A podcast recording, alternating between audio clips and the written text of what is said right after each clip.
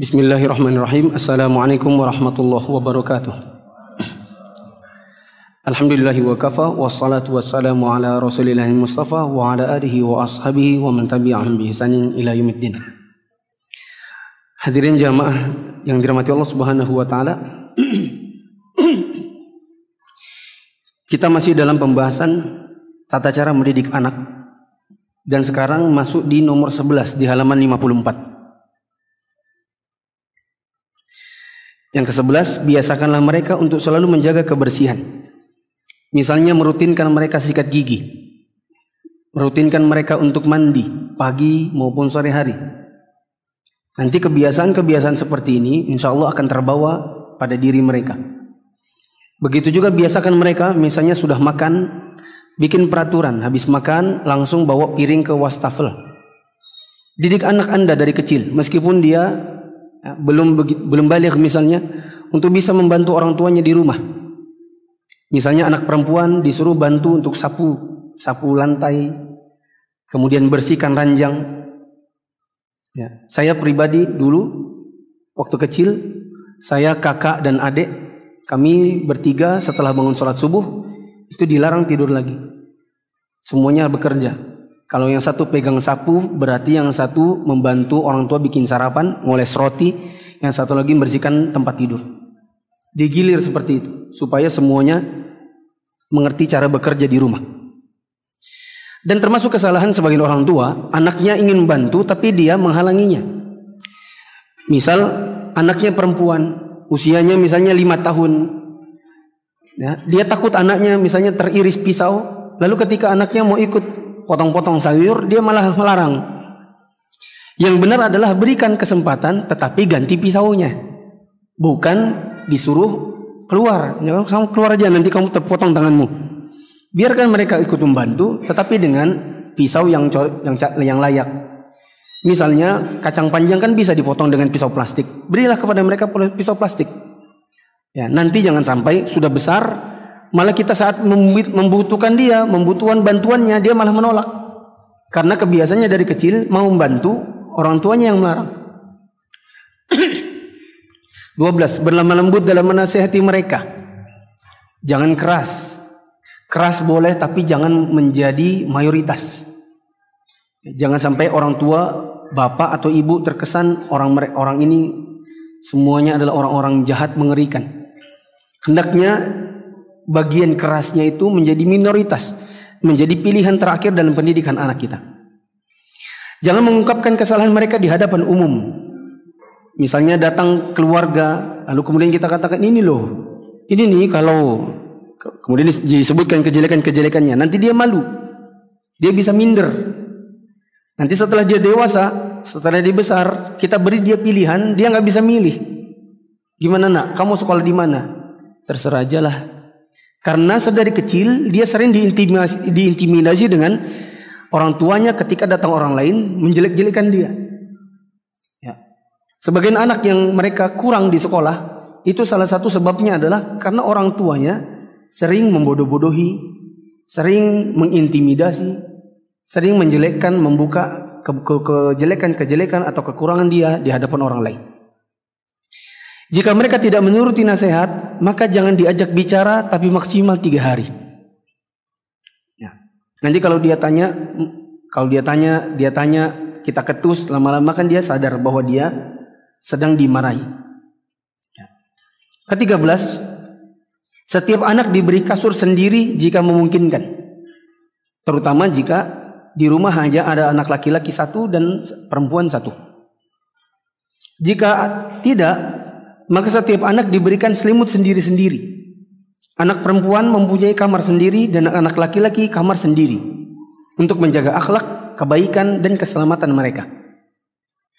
Keempat belas, ucapkanlah salam kepada mereka di rumah, di jalan, di kelas dengan lafaz Assalamualaikum warahmatullahi wabarakatuh.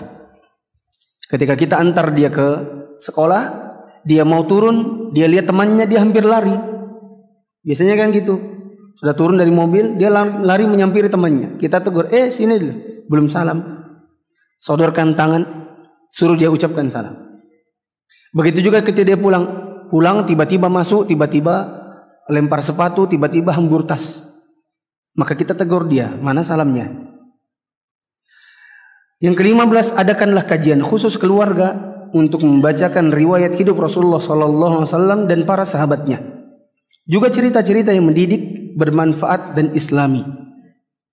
Kebanyakan orang yang nomor 15 ini dipraktekkan dengan cara membacakan cerita sebelum tidur. Dan ini baik. Misalnya anak mau tidur, maka dia bacakan cerita terlebih dahulu. Tapi yang perlu diperhatikan, yang pertama, membacakan anak cerita sebelum tidur, jangan sampai ceritanya cerita-cerita yang tidak sahih. Maka pastikan buku yang Anda belikan untuk mereka adalah buku-buku misalnya Sirah Nabawiyah untuk anak yang penerbitnya sudah jelas. Saya rekomendasikan pustaka Imam Syafi'i. Kemudian ada pustaka Ibnu Umar. Ini di antara dua penerbit yang saya rekomendasikan buku-buku anak-anak mereka. Ini baik untuk dimiliki dan dibacakan kepada anak sebelum tidur. Karena penulis-penulisnya adalah orang-orang yang tersaring dari sisi manhaj, dari sisi ilmu pengetahuan. Kemudian yang kedua, sebaik-baiknya orang tua membacakan cerita ada metodologi yang jauh lebih baik lagi. Yaitu betul-betul ayah ceramah di hadapan anak-anaknya. Bukan cuma sekedar cerita sambil lalu. Ceritakan kadang anak maksa, ceritakan dong. Kalau nggak diceritain dia nggak mau tidur. Gitu kan? Ada metode yang jauh lebih penting lagi. Yaitu orang tua duduk di hadapan mereka dan mereka mendengarkan wejangan orang tua. Ini yang dulu bapak saya sering lakukan. Kami hampir ya dalam satu bulan sekali seingat-ingat saya tidak luput dari yang namanya ceramah bapak. Sementara saya dengan kakak kalau sudah bapak berbalik dan sudah bilang assalamualaikum warahmatullahi wabarakatuh biasanya sudah sundul-sundulan. Ais ceramah lagi, ceramah lagi. Kitanya nggak suka. Tapi bagi kami sekarang setelah ini kami jauh lebih mudah untuk mendengarkan tausiah atau nasihat orang tua. Lebih mudah untuk menerima wejangan, menerima nasihat karena face to face. Orang tua mendudukkan kami. Cerita yang paling sering dibawakan oleh bapak saya dalam ceramah-ceramahnya setiap habis sholat itu di antaranya cerita hikmah dirinya dulu dengan orang tuanya. Bagaimana hidup prihatin, bagaimana kecintaan bapak kepada nenek, bagaimana kalau dia mau pergi sekolah dia harus peluk dulu orang tuanya. Begitu juga ketika dia pulang, dikarenakan dia tinggal di kampung yang sekolah itu jauh berkilo-kilo dari rumahnya. Cerita tentang hik cerita-cerita hikmah. Meskipun memang tidak berasal dari cerita Nabi SAW dan para sahabatnya. Itu kekurangan kami di zaman dahulu. Karena sumber cerita ini di zaman dahulu kurang tahun 90-an. Sedangkan di zaman ini sudah banyak. Maka penting sekali ayah dudukkan anak-anaknya laki-laki, ibunya sama anak perempuan di belakang. Biasakan seperti itu sebelum ceramah siapkan dulu bahannya. Misalnya menyiapkan ceritanya, apa hikmahnya. Kemudian lakukan. Assalamualaikum warahmatullahi wabarakatuh. Iya, ayah ngapain? Ayah mau ceramah, kalian dengarkan. Ah, bercanda nih. Enggak, bisa bercanda. Serius. Dengerin. Terus ceramah. Nanti seminggu lagi ulangi lagi. Seminggu lagi ulangi lagi. Lama-lama dia akan paham bahwa ayahnya itu serius pada dirinya tentang pendidikan apa yang ingin dia, apa yang ayahnya ingin baik dari dirinya. Ya. Ini penting, memiliki waktu untuk ceramah di hadapan anak. Karena zamannya yang dimati Allah. Kadang-kadang pendidikan kita itu nggak efektif. Anak nakal kita baru marah. Itu enggak. Orang tua itu keluar nasihatnya kalau anaknya nakal. Itu tok. Itu pun sambil lalu. Sambil nonton, sambil marah. Jangan ya, jangan ya, gitu kan? Anak orang tua zaman sekarang kan begitu. Anaknya nakal, ibunya bilang ayah ini loh nakal. Dia bilang jangan ya, jangan ya, tapi matanya ke TV. Anaknya nggak betul-betul, nggak betul-betul di, dinasehati. Sehingga anak kadang-kadang bebal. Ya, dia bilang ah, paling nasihat ntar juga sambil marah sebentar juga paling nanti sayang lagi. Berbakti kepada orang, orang tua halaman 55. Jika ingin sukses di dunia dan akhirat, maka berbaktilah kepada orang tua. Bicaralah dengan sopan santun kepada orang tua dan jangan katakan ah, cih, bah kepada mereka. Taati mereka selama perintahnya bukan maksiat. Lemah lembutlah kepada mereka jaga nama baiknya, kehormatannya. Nih jamaah, misalnya kita memiliki ke mengetahui ada keburukan orang tua di rumah, maka jangan misalnya mampir ke rumahnya tante, terus ngomong-ngomong cerita-cerita.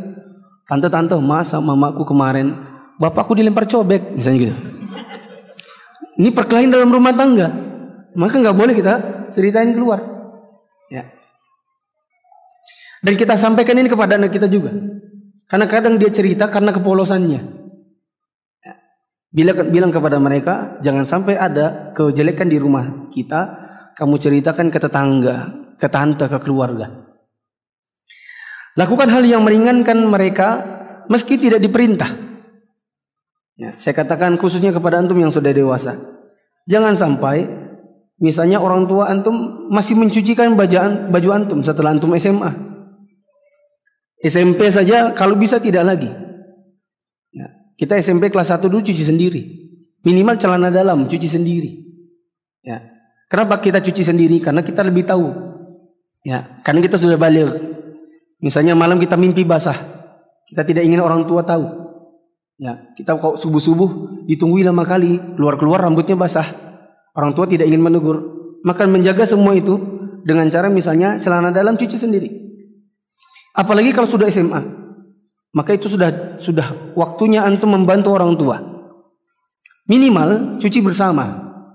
Misalnya mesin cucinya satu, nggak usahlah terpisah, cuci banyak bareng. Ini pakaiannya mama, pakaian bapak, pakaianku.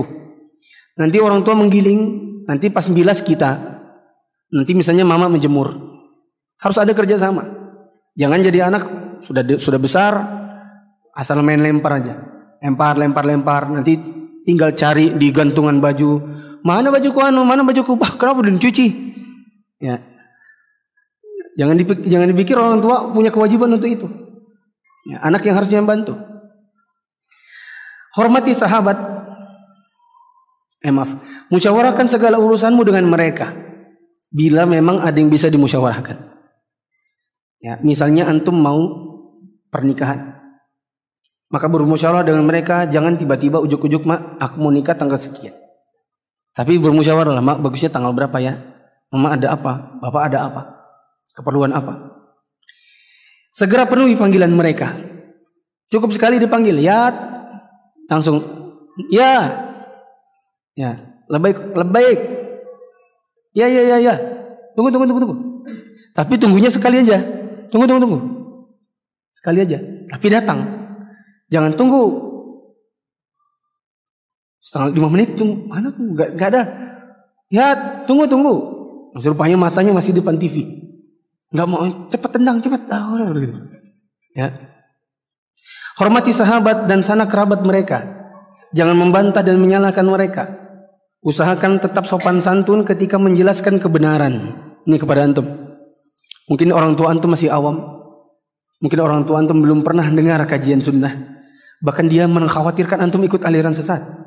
Sejak melihat antum berjenggot, sejak antum dia melihat antum bercelana cingkrang, bahkan sejak antum ke masjid.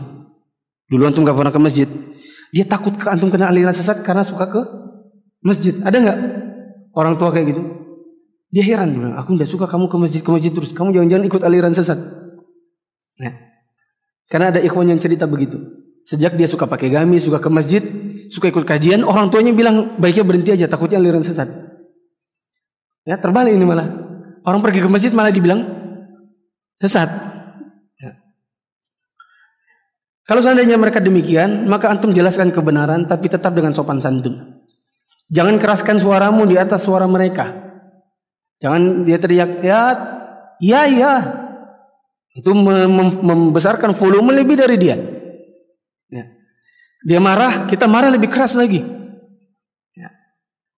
Janganlah keraskan suaramu di atas suara mereka. Dengarkanlah pembicaraannya, bersopan santunlah terhadap mereka.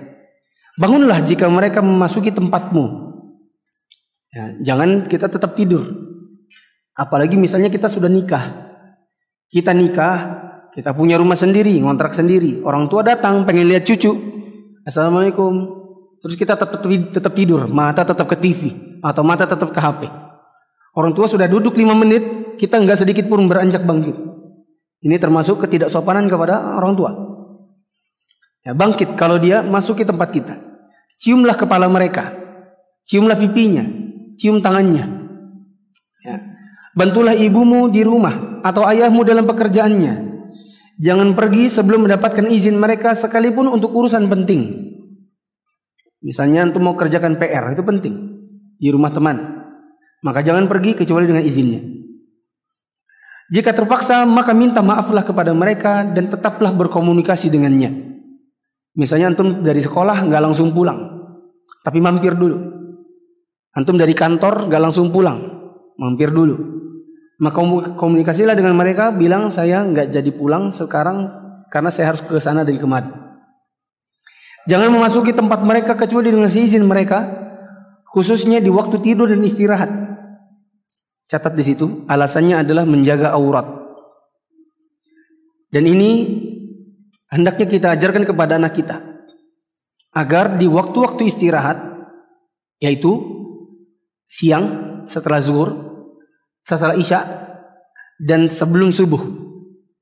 Ini jangan masuk ke dalam rumah kamar orang tua kecuali dengan minta izin dulu. Karena ini adalah waktu istirahat dan waktu yang bisa jadi waktu aurat. Ya, misalnya orang tua, bapak dan ibu tidur. Entah setelah isya, entah sesaat sebelum subuh. Maka jangan masuki sebelum kita minta izin dengan mengetuk terlebih dahulu. Dan ajarkan ini kepada anak. Karena anak kecil kan nggak tahu. Kadang-kadang dia langsung main buka, langsung main buka. Dia nggak lihat ternyata orang tuanya di dalam sedang berhubungan badan misalnya.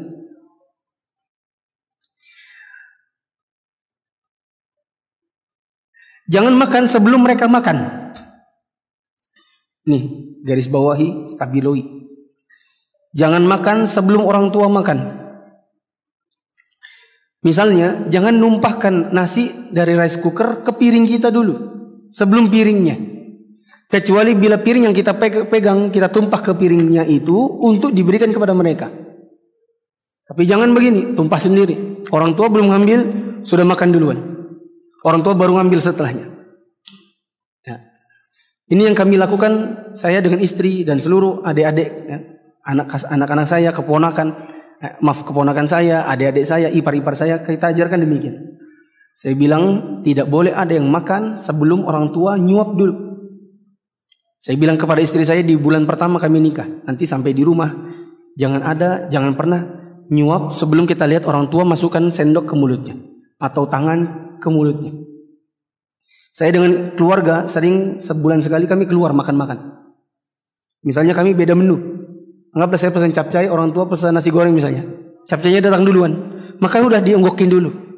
Punya orang tua datang, sudah kita lihat sendoknya mulut apa masuk ke mulut, baru kita makan.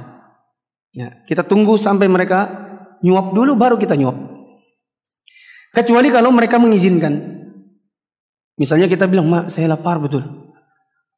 Terus mamanya bilang, "Oh, mama sudah makan." Atau mama nanti makannya di pengantenan. Udah kamu makan aja. Maka ini tidak mengapa makan lebih dahulu daripada mereka dengan izinnya. Hormatilah mereka dalam hal makanan dan minuman. Jangan membohongi mereka atau mencela mereka jika mereka berbuat sesuatu yang tidak Anda sukai. Ya. Misalnya, kita sudah punya anak, kita pergi kerja atau suatu keperluan, anak kita kita titipkan ke orang tua. Kadang-kadang anak itu jatuh, Kadang-kadang pas kita jemput palanya benjol. Maka jangan disalahkan orang tua. Karena kita tahu nggak mungkin orang tua sengaja benjolin dikuning kepalanya di nggak mungkin. Ya mungkin itu dia lagi lagi sesuatu anaknya nggak sangat kesandung. Kadang-kadang tersandung dengan kakinya sendiri. Bukan kesandung kaki neneknya, kesandung kakinya sendiri. Dia mau lari, ya, terpecok terus jatuh.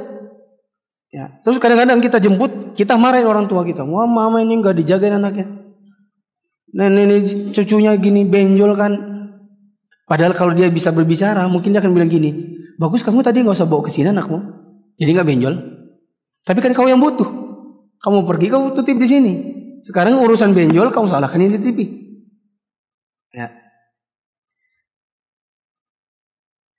Yang kelima, jangan lebih mengutamakan istrimu dan anakmu dari mereka. Nah, misalnya berdiskusi, nah, jangan bilang yang kamu mau ke mana yang? Mama nanti dulu, mama nggak usah ngomong dulu. Yang mau ke mana? Ya, itu bikin sakit hati dia. Tapi istri yang kita kasih pengertian, mama mau ke mana dulu? Sini ke sini ke sini. Ya. Mintalah restu dan keridoan mereka sebelum melakukan sesuatu. Misalnya mau nikah, mau pergi kuliah, mau berangkat meninggalkan Balikpapan ke Jogja misalnya, mau kuliah. Maka minta dia untuk antar ke bandara. Jadikan dia orang yang terakhir ada di hadapan antum. Peluk dia. Kalau perlu jadikan dia orang yang terakhir antum peluk. Supaya dialah orang yang, yang paling membekas di di tubuh antum. Sebagian orang ada yang bilang gini, mama gak usah ngantar ya, temanku aja. Aku lebih suka kalau temanku yang ngantar, mama nggak asik. Ya. Dia nggak suka kalau orang tuanya yang ngurusi dia. Dia suka kalau sama teman-temannya. Ya. ya. Bahkan ada yang mengatakan, mama gak usah ikut, nanti aku malu kalau teman-temanku lihat mama. Ada begitu. Saya pernah punya teman SMA dulu, dia nggak mau kalau orang tuanya kelihatan temannya. Ya, karena mungkin perawakannya, bentuk tubuhnya, Ya, dia nggak mau orang tuanya kelihatan. Mintalah restu dan keridhaan mereka sebelum melakukan sesuatu karena ridho ridho Allah ada pada keridhaan orang tua dan murka Allah ada pada kemurkaan mereka. Orang yang paling berhak dihormati adalah ibumu, lalu ibumu, lalu ibumu, lalu ayahmu. Surga ada di bawah telapak kaki ibu. Tapi ini hadisnya tidak sahih surga di bawah telapak kaki ibu tidak sahih. Ya. Tetapi hadis yang sahih bunyinya begini. Ya mungkin belafaznya beda ya, tapi intinya sih mirip-mirip. Ya, uh, Nabi SAW mengatakan ke kepada seseorang untuk melazimi kaki ibunya. Yang ini maksudnya menghormatinya. Nabi katakan fathammal jannah di klub di kakinya ada surga. Maksudnya berbaik ber, berbaktilah kepada orang tuamu, pada mereka ada jalan surgamu. Sebagaimana ada orang mengatakan kepada Rasulullah atau kepada Abu Bakar bahwa ibunya menyuruh dia menceraikan istrinya. Dia adukan kepada Abu Bakar, lalu Abu Bakar mengatakan, "Saya tidak menyuruhmu menceraikannya, tidak pula menyuruhmu untuk mempertahankannya, tetapi saya cuma mau bilang bahwa ibumu pintu tengah surgamu. Kalau kau mau, masuki." Maksudnya kalau kau mau turuti dia dan masuki surga. Kalau kau tidak mau ya sudah, tidak apa-apa. Tetapi para ulama kita juga mengatakan, mengomentari riwayat dari Abu Bakar ini, betul ini sahih dari riwayat Abu Bakar. Betul bahwa ibu adalah pintu setengah surga yang kalau kita taati itu adalah jalan surga, betul. Akan tetapi dalam hal menceraikan istri ini perlu dilihat lagi. Karena kadang-kadang ibu menyuruh kita menceraikan istri dikarenakan ibu cemburu padanya atau ibu tidak memiliki alasan syar'i untuk kita menceraikannya. Misal ibu semata-mata nggak suka aja, istri kita bercadar, istri kita berjilbab besar. Ibu belum. Terus istri kita sering komentarin, Bu, kapan pakai jilbab? Nah, Bu, cantik nah, Bu. Lama-lama muyak. Muyak tahu ya? Lama-lama dia muyak, dia bilang ceraikan istrimu. Ya, awas kalau kamu udah ceraikan istrimu. Dia suruh istrinya, dia suruh dia, ibunya suruh dia untuk ceraikan istrinya karena suatu alasan yang tidak syar'i. Maka yang seperti ini jangan dituruti. Meskipun ibu yang nyuruh. Dan meskipun ibu pintu tengah surga dalam hal secara umum. Jangan sakiti hati mereka, membuat mereka marah sehingga kamu sengsara di dunia dan di akhirat. Lalu anak-anak Anda pun memperlakukan Anda sebagaimana Anda memperlakukan kedua orang tua Anda. Ini pernah terjadi di zaman dahulu, zamannya Umar bin Khattab. Diceritakan bahwa ada seorang laki-laki yang mengadu kepada Umar bin Khattab karena anaknya sering memukul, menendang dan memperlakukan dia tidak layak seperti orang tua. Maka maka Umar bin Khattab memanggil anaknya, ya, lalu kemudian Umar bin Khattab memarahi dia, ya, memarahi dia. Ya, lalu kemudian anak itu mengatakan, wahai Amir Muminin, tahan dulu marahnya, jangan marah dulu. Harusnya tanya dulu, kenapa kok saya perlakukan demikian? Ya, saya ini sebagai orang tua, bapak saya ini sebagai orang tua kan punya hak terhadap saya. Dan saya pun sebagai anak kan punya punya punya, punya hak kepada orang tua. Umar bin Khattab bilang iya, betul. Coba apa hak saya? Umar bilang tiga. Diberi ibu yang baik, diberi nama yang baik, diajarkan Al-Quran. Maka anak laki-laki itu mengatakan, wahai mu'minin, tiga hak ini tak satu pun diberikan orang tua saya. Kau bilang diberi ibu yang baik. Ibuku itu dulu hasilnya budak, dibeli dua dirham di pasar di pasar malam, lalu digauli. Aku hasil pergaulannya. Kau bilang aku diberi diberi nama yang baik. Namaku jual. Jual itu kumbang kecil di kotoran ayam yang warna coklat kental bening itu. yang namanya lincung. Itu namanya Juan. Namaku Juan. Uh, diberi pengajaran Al-Quran. Aku tidak pernah diajarin Quran. Satu huruf pun ijaiyah nggak diajarkan. Ya. Akhirnya Umar Khattab memarahi orang tuanya disuruh pulang. Dia bilang kau perlakukan anakmu dengan cara begitu maka wajar kalau kemudian sekarang engkau diperlakukan bersama.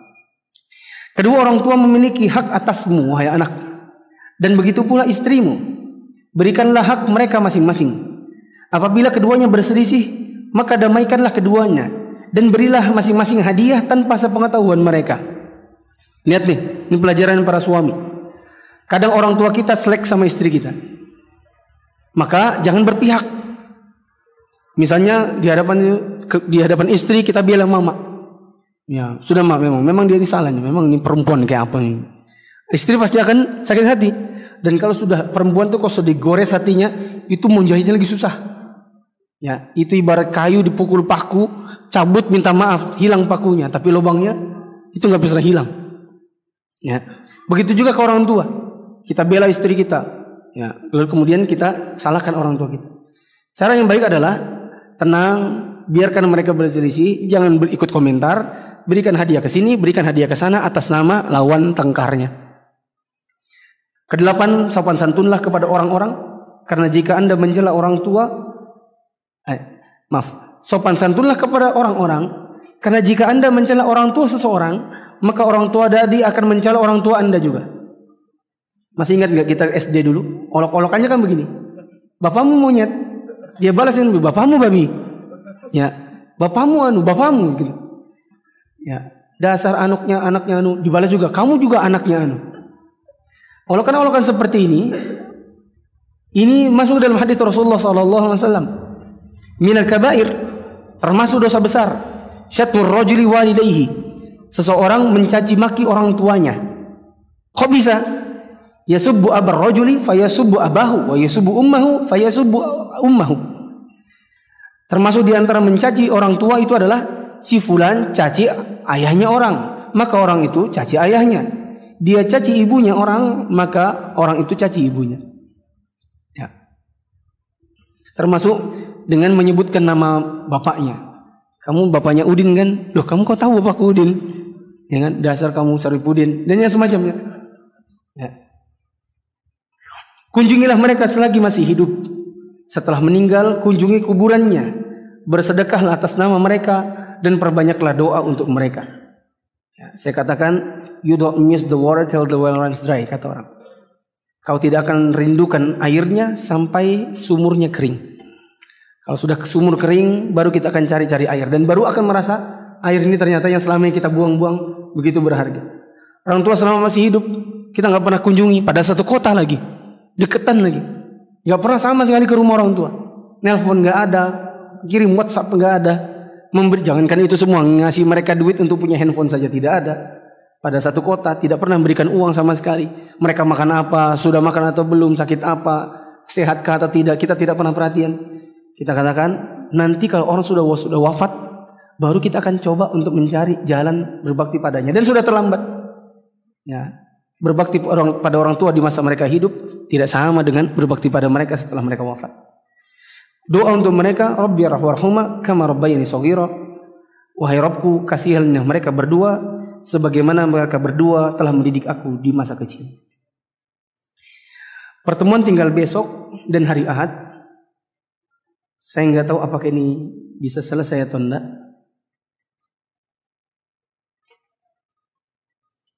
Kalau saya teruskan sampai jam 2 kurang 15, bagaimana? Terus ya?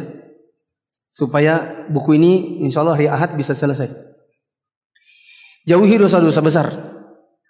Allah Subhanahu wa taala berfirman, "In tajtanibu kaba'ira ma tunhauna anhu nukaffir ankum sayyiatikum wa nudkhilukum mudkhalan kabira mudkhalan karima jika kamu menjauhi dosa-dosa besar di antara dosa-dosa yang dilarang kamu mengerjakannya niscaya kami hapus kesalahanmu yaitu dosa kecil dan kami masukkan kamu ke tempat yang mulia yaitu surga dosa besar adalah setiap maksiat yang mengakibatkan hukum had di dunia dan ancaman di akhirat Ibnu Abbas radhiyallahu anhu menyebutkan bahwa jumlahnya mencapai 700 macam Ini lebih mudah dimengerti daripada perkataan orang bahwa dosa besar hanya tujuh macam saja. Namun tidak ada dosa besar apabila diikuti dengan taubat. Dan tidak ada dosa kecil apabila dilakukan terus menerus. Lihat. Perhatikan dulu. Dosa itu ada besar ada kecil. Dosa besar ini diancam dengan misalnya sabda Nabi Allah melaknat orang yang orang yang melakukan ini diancam dengan azab di hari kiamat berupa kalau dapat dalil-dalil seperti ini maka itu indikasi dosa besar. Ada dosa-dosa yang lain yang Allah anggap kecil.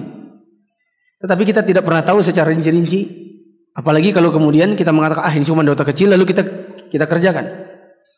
Dosa kecil itu bisa berubah menjadi besar dengan tiga. Siapa yang tahu? Dapat baju koko.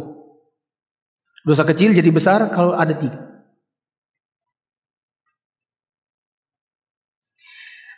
Dosa kecil jadi besar bila satu dianggap kecil, diremehkan. Dua, dilakukan secara rutin, terus menerus. Yang ketiga, ngajak-ngajak orang. Meskipun dosanya kecil, tapi kalau ngajak orang, maka dia jadi dosa besar. Kalau mau tahu itu dosa atau bukan dosa, maka salah satunya adalah begini. Kalau di hati itu bergetar, kita melakukannya bergetar, dan kita takut banget kalau ada orang tahu kita pasti malu. Itu dosa. Dari sesuatu yang kita lakukan terus dia getar-getar di hati. Dan kita takut kalau orang lihat nah kita takut malu. Itu namanya dosa. Sebagaimana Nabi SAW mengatakan al ithmu mahaka fi nafsika. Dosa itu adalah yang getar-getar di hati wa taraddada fi sadr bikin bergetar-getar di dalam dada wa karihta an yattala dan engkau malu apabila orang lain tahu engkau mengerjakannya Contoh, pejabat terima duit dalam amplop di bawah meja. Kalau orang lain tahu, dia pasti malu.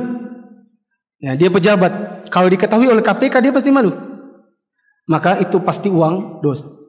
Maka PNS kalau mau tahu itu halal atau haram, mudah. Kalau ketahuan orang, ketahuan inspektorat, ketahuan KPK, malu, ditangkap, pasti dosa. Berarti itu uang itu uang haram. Macam-macam dosa besar. Pertama dosa besar yang berkaitan dengan akidah.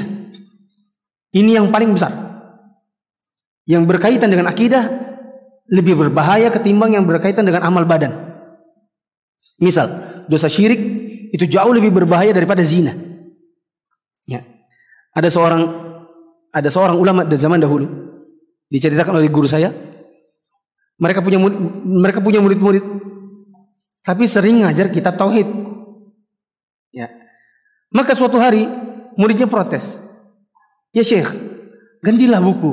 Habis kita tauhid, tauhid lagi. Habis tauhid, akidah lagi. Gantilah yang lain. Maka gurunya ganti Riyadus Salihin. Terus suatu hari gurunya mengatakan begini. Wahai anak uh, ada di sana, beliau ceritakan di sana ada orang dia zina sama ibunya sendiri. Maka orang-orang itu mengatakan astagfirullah. Ih, ya Allah astagfirullah. Ya. Mereka mencela orang yang zina sama ibunya. Terus di kali yang lain gurunya cerita. Di sebelah rumah sana ada orang pindah rumah. Terus dia sembelih ayam supaya hilang jinnya. Murid-muridnya bilang, kasihan. Kadar kemarahannya di bawah dengan di bawah dari orang berzina sama ibunya sendiri. Maka gurunya bilang, besok kita ganti buku balik ke kitab tauhid. Karena kemarahan kalian kepada zina dengan ibu sendiri lebih besar daripada kemarahan kalian kepada syirik. Sementara dosa di sisi Allah lebih besar syirik. Nah. Dosa-dosa yang berkaitan dengan akidah misalnya menyekutukan Allah. Yaitu beribadah kepada yang selain Allah. Seperti menyembelih hewan untuk selain Allah. Mau bangun bangunan, nyembelih dulu. Mama meninggal, mau dibawa ke kubur, anaknya disuruh lewat dibawa kerandanya sembelih ayam dulu. Ini termasuk perbuatan syirik. Berdoa, mengharapkan sesuatu kepada selain Allah. Padahal sesuatu itu hanya Allah saja yang mampu melakukannya. Perhatikan. Bila ada sesuatu yang hanya Allah yang bisa memberikannya, maka hanya boleh diminta kepada Allah. Bila diminta kepada yang selainnya, maka syirik. Seperti hujan. Bila ada sesuatu yang bisa diminta kepada Allah dan membutuhkan manusia, maka mintalah kepada manusia dan tidak mengapa. Dan jangan hanya minta kepada Allah. Misal antum naik motor, ban antum bocor di tengah jalan. Jangan sepanjang hari berdoa di situ. Ya Allah, kembalikanlah banku, banku. Enggak akan terjadi dia. Antum harus minta kepada orang lain yaitu tukang tambal. Maka yang bisa diminta kepada yang selain Allah dan bahkan membutuhkan manusia, maka mintalah kepada mereka. Dan itu tidak mengapa. Termasuk percaya dukun, peramal. Saya katakan zodiak, lamalan bintang. Ini semua perbuatan syirik. Mendustakan Allah dan Rasulnya. Mendustakan atau mengolok-olok sesuatu yang dibawa Rasulnya. Berkeyakinan ada petunjuk yang menyamai di atas petunjuk Rasulnya. Mendustakan malaikat, kitabullah, takdir, perkara akhirat seperti kisah kubur, kebangkitan, timbangan, jembatan. Yaitu jembatan untuk bisa dalam pengadilan nanti di hari kiamat. Dan lain-lain. Termasuk pula riak yaitu beribadah supaya orang puji bila orang lihat. Bersumpah dengan nama selain Allah, berhukum misalnya sumpah pocong. Berhukum dengan yang selain apa yang diturunkan oleh Allah. Ya, dan senang dengan hukum tersebut. Kemudian tatoyur. Tatoyur itu ya di zaman dahulu tatoyur itu gini. Kalau ada orang Arab mau safar, maka dia terbangkan burung. Anggaplah burungnya terus tidak kembali, maka jalan. Biar burungnya balik, berarti batal nggak jadi. Ya, itu namanya tatoyur. Kalau orang di zaman ini sudah modelnya macam-macam. Ya, kepalanya jat, kejatuhan cicak, besok mati. Kalau anaknya tidur depan pintu, besok mati. Kalau kejatuhan kepalanya dengan sapu, harus diludahi karena besok mati. Kalau mau pergi, jangan pergi dulu sebelum jemput nasi, nanti mati. Bila di, di atas rumah ada gagak, nanti besok mati mimpi gigi copot, mati, mati terus, hidup terus, mati lagi, mati lagi, terus hidup lagi. Nah, memanggil seseorang muslim dengan ucapan hei kafir. Eh maaf, kalau di Balikpapan kepohonan. Oh, kepohonan. Nah, ini termasuk termasuk syirik. Ya. Eh, jangan nanti kepohonan. Ini secara nggak sadar kita telah berbuat syirik. Meskipun syiriknya syirik kecil. Dikarenakan ini menyandarkan kemudorotan pada yang bukan Allah. Sementara tidak ada yang namanya mati, tidak ada yang namanya hidup kecuali dari Allah. Mengucapkan hei kafir, hei musuh Allah. Ya. Kalau zaman sekarang misalnya hei obet. Obet itu adalah panggilan di Maluku kalau nggak salah atau di Ambon untuk anaknya orang kafir. Lalu kita ketemu dengan anaknya orang muslim kita bilang hei obet dengan maksud apa? Supaya uh, maksudnya adalah eh kafir. Demikian pula membunuh seorang muslim, meratapi mayit, percaya kepada ramalan bintang, tidak mau mengkafirkan kafir. Misalnya dengan perkataan orang Nasrani dan Yahudi itu sebenarnya mereka juga ya mereka juga bisa masuk surga. Eh, mereka dengan kita tuh sama aja. Ya, yang penting sama baiknya. Semuanya mengajarkan berbuat baik kok. Semuanya bisa ke surga kok. Ini namanya tidak mengkafirkan orang kafir. Berdusta atas nama Allah dan Rasulnya merasa aman dari pembalasan Allah, putus asa dari rahmat Allah, menggantungkan benang, jimat dan sejenisnya. Kasih keterangan di situ buat jimat. Karena kalau menggantungkan benang, digantungkan gitu aja misalnya di jarum ya nggak apa-apa. Ya. Misalnya tukang jahit, tukang jahit habis jahit, benangnya ditaruh di bantalan, ya nggak apa-apa. Maksudnya di sini adalah menggantungkan benang buat jadi jimat. Nah, tinggal semenit tapi saya sudah capek juga. Ya, dan kita puasa, nggak ada minum soalnya. Hmm. Ada pertanyaan? Saya nggak balik lagi nih tangan saya. Terakhir, ya, cuma satu.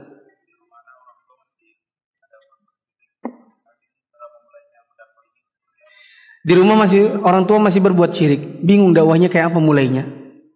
Pertama, dakwah orang tua itu harus dengan satu ilmu. Artinya, apa syiriknya, bagaimana cara membantahnya itu harus diketahui dulu. Yang kedua, nggak boleh langsung marah. Memberitahunya harus pelan-pelan. Ketiga, orang tua itu akan lebih mudah didakwahi bila kita taklukkan dulu hatinya. Misal, mama repot di dapur, kita dikit-dikit bantu. Mama lagi cuci piring, kita bilang, mas ini aku mak. Kita yang kalau makan yang selama ini misalnya bawa hamburan, kita yang ambil sapu, kita yang beresin, kita yang angkat piring, kobokan, sendok dan segala yang kotor kita bawa ke wastafel. Kita cuci, cuci sapu sapu rumah. Kalau dia nyuci, dia bilas-bilas kita bilas bersamanya. Tangan kita satu baskom dengannya. Bila orang tua sudah senang takluk dengan kita, dia merasa anaknya itu baik. Insya Allah itu ngomong apa aja insya Allah jadi. Dan saya sudah rasakan ini. Ya. Orang bapak bapak ibu saya dulu bu, dulu bukan alhamdulillah sih nggak syirik ya. Nggak syirik, tapi sering kami bertentangan dalam hal masalah sunnah. Bapak saya dulu syukur, syukur jenggot. Karena gurunya bilang, pernah bapak saya gini, ini cukuran jenggotnya udah digini. Sudah gini. Saya, apa, apa, apa. Saya pengen tanya, eh kenapa cukur? Bilang guruku suruh cukur. Kenapa suruh cukur? Dia bilang, Nabi itu jenggotnya itu lebat. Kalau seandainya jenggot cuma segini, seipret gini, ini namanya penghinaan kepada jenggot Nabi. Jadi bagusnya cukur sekalian. Saya bilang ulama mana yang bilang begitu? Ya kemarin kami lagi mau tamar di Samarinda, guru kami bilang kalau jenggot sedikit buang aja. Karena Nabi itu panjang. Ya, kami sering bertentangan dengan hal seperti itu. Ya, karena dia terpengaruh oleh gurunya. Ya, maka saya dengan orang tua ya harus berbuat baik, berbuat baik, berbuat baik. Lama-lama saya bilang, Pak ini nggak boleh cukur, ini sunnah. Mak, jilbabnya lebih besar, Mak. Karena Mama dulu jilbab segitiga. Saya gini kan, peniti ini baru di, brostin di sini karena PNS. Ya, PNS kan jarang ada yang jilbab besar. Mau pensiun saya suruh ganti jilbab besar. Mak keluar pakai kaos kaki, Mak. Itu semua jadi mudah untuk memberitahukannya. Meskipun memang gak sampai level syirik. Tetapi itu semua dengan menaklukkan dulu hati. Kalau orang tua sudah takluk hatinya, kita sering bantu dia, berikan apa yang menjadi kebutuhannya. Insya Allah akan lebih mudah untuk mendakwahinya. Nanti pas proses dakwah, satu aja, ilmu. Apa yang mau antum sampaikan kepada dia harus betul-betul matang. Syiriknya apa emang? Kain kafan. Ah, di tiang-tiang dikasih tem, ditempel kain kafan. Ya, bantu dulu, dia senang, sering peluk, cium, baru kita bilang, Mak, coba itu buat apa sih? Siapa tahu misalnya dia bilang, oh anu waktu itu ketinggalan pas pasang. Ya kan apa-apa, tinggal copot. Ya, oh itu nak itu supaya rumah ini kalau ada gempa tuh nggak udah apa? Udah runtuh. Kita bisa bilang satu, ini balik papan. Balik papan di Kalimantan. Kalimantan itu nggak ada namanya gempa tektonik, apalagi vulkanik. Itu banyak di Jawa. Di dalam geografi kan kita pelajari. Ya, kalau cuma buat itu mah nggak perlu. Yang kedua mak, itu namanya menyerahkan selamat hidup mati itu kepada yang bukan Allah. Sementara nggak ada yang bisa memberikan kecuali kepada Allah. Para sahabat aja bersama Nabi dulu waktu mau perang nggak ada tuh pakai gitu-gitu. Nabi itu ketos kena panah di baju besinya, pecah nih baju besinya, kena gerahamnya, copot sebagian gigi gerahamnya. Nabi nggak pakai kebal-kebal terus pakai apa namanya jimat-jimat model seperti itu. Semua berlindung kepada Allah. Copot aja mak, karena syirik itu bisa menghapuskan semua amal. Nggak ada gunanya kita sholat, nggak ada gunanya kita. Oh ya satu, menggunakan kata kita lebih bagus daripada menggunakan kata anda. Kita itu seolah-olah kita itu bersamanya. Ya, kita kalau kita sholat, kalau kita puasa, itu jadi gunanya kalau kita berbuat syirik. Tapi kau tunjuk-tunjuk, mama kalau mau sirik, mah dia masuk neraka selama-lamanya kan pernah keluar lagi. Insya Allah dia nggak akan mau terima. Gaya bahasa itu juga perlu diperhatikan. Subhanakallahumma wa bihamdika asyhadu an la ilaha illa anta astaghfiruka wa atubu ilaik. Wassalamualaikum warahmatullahi wabarakatuh.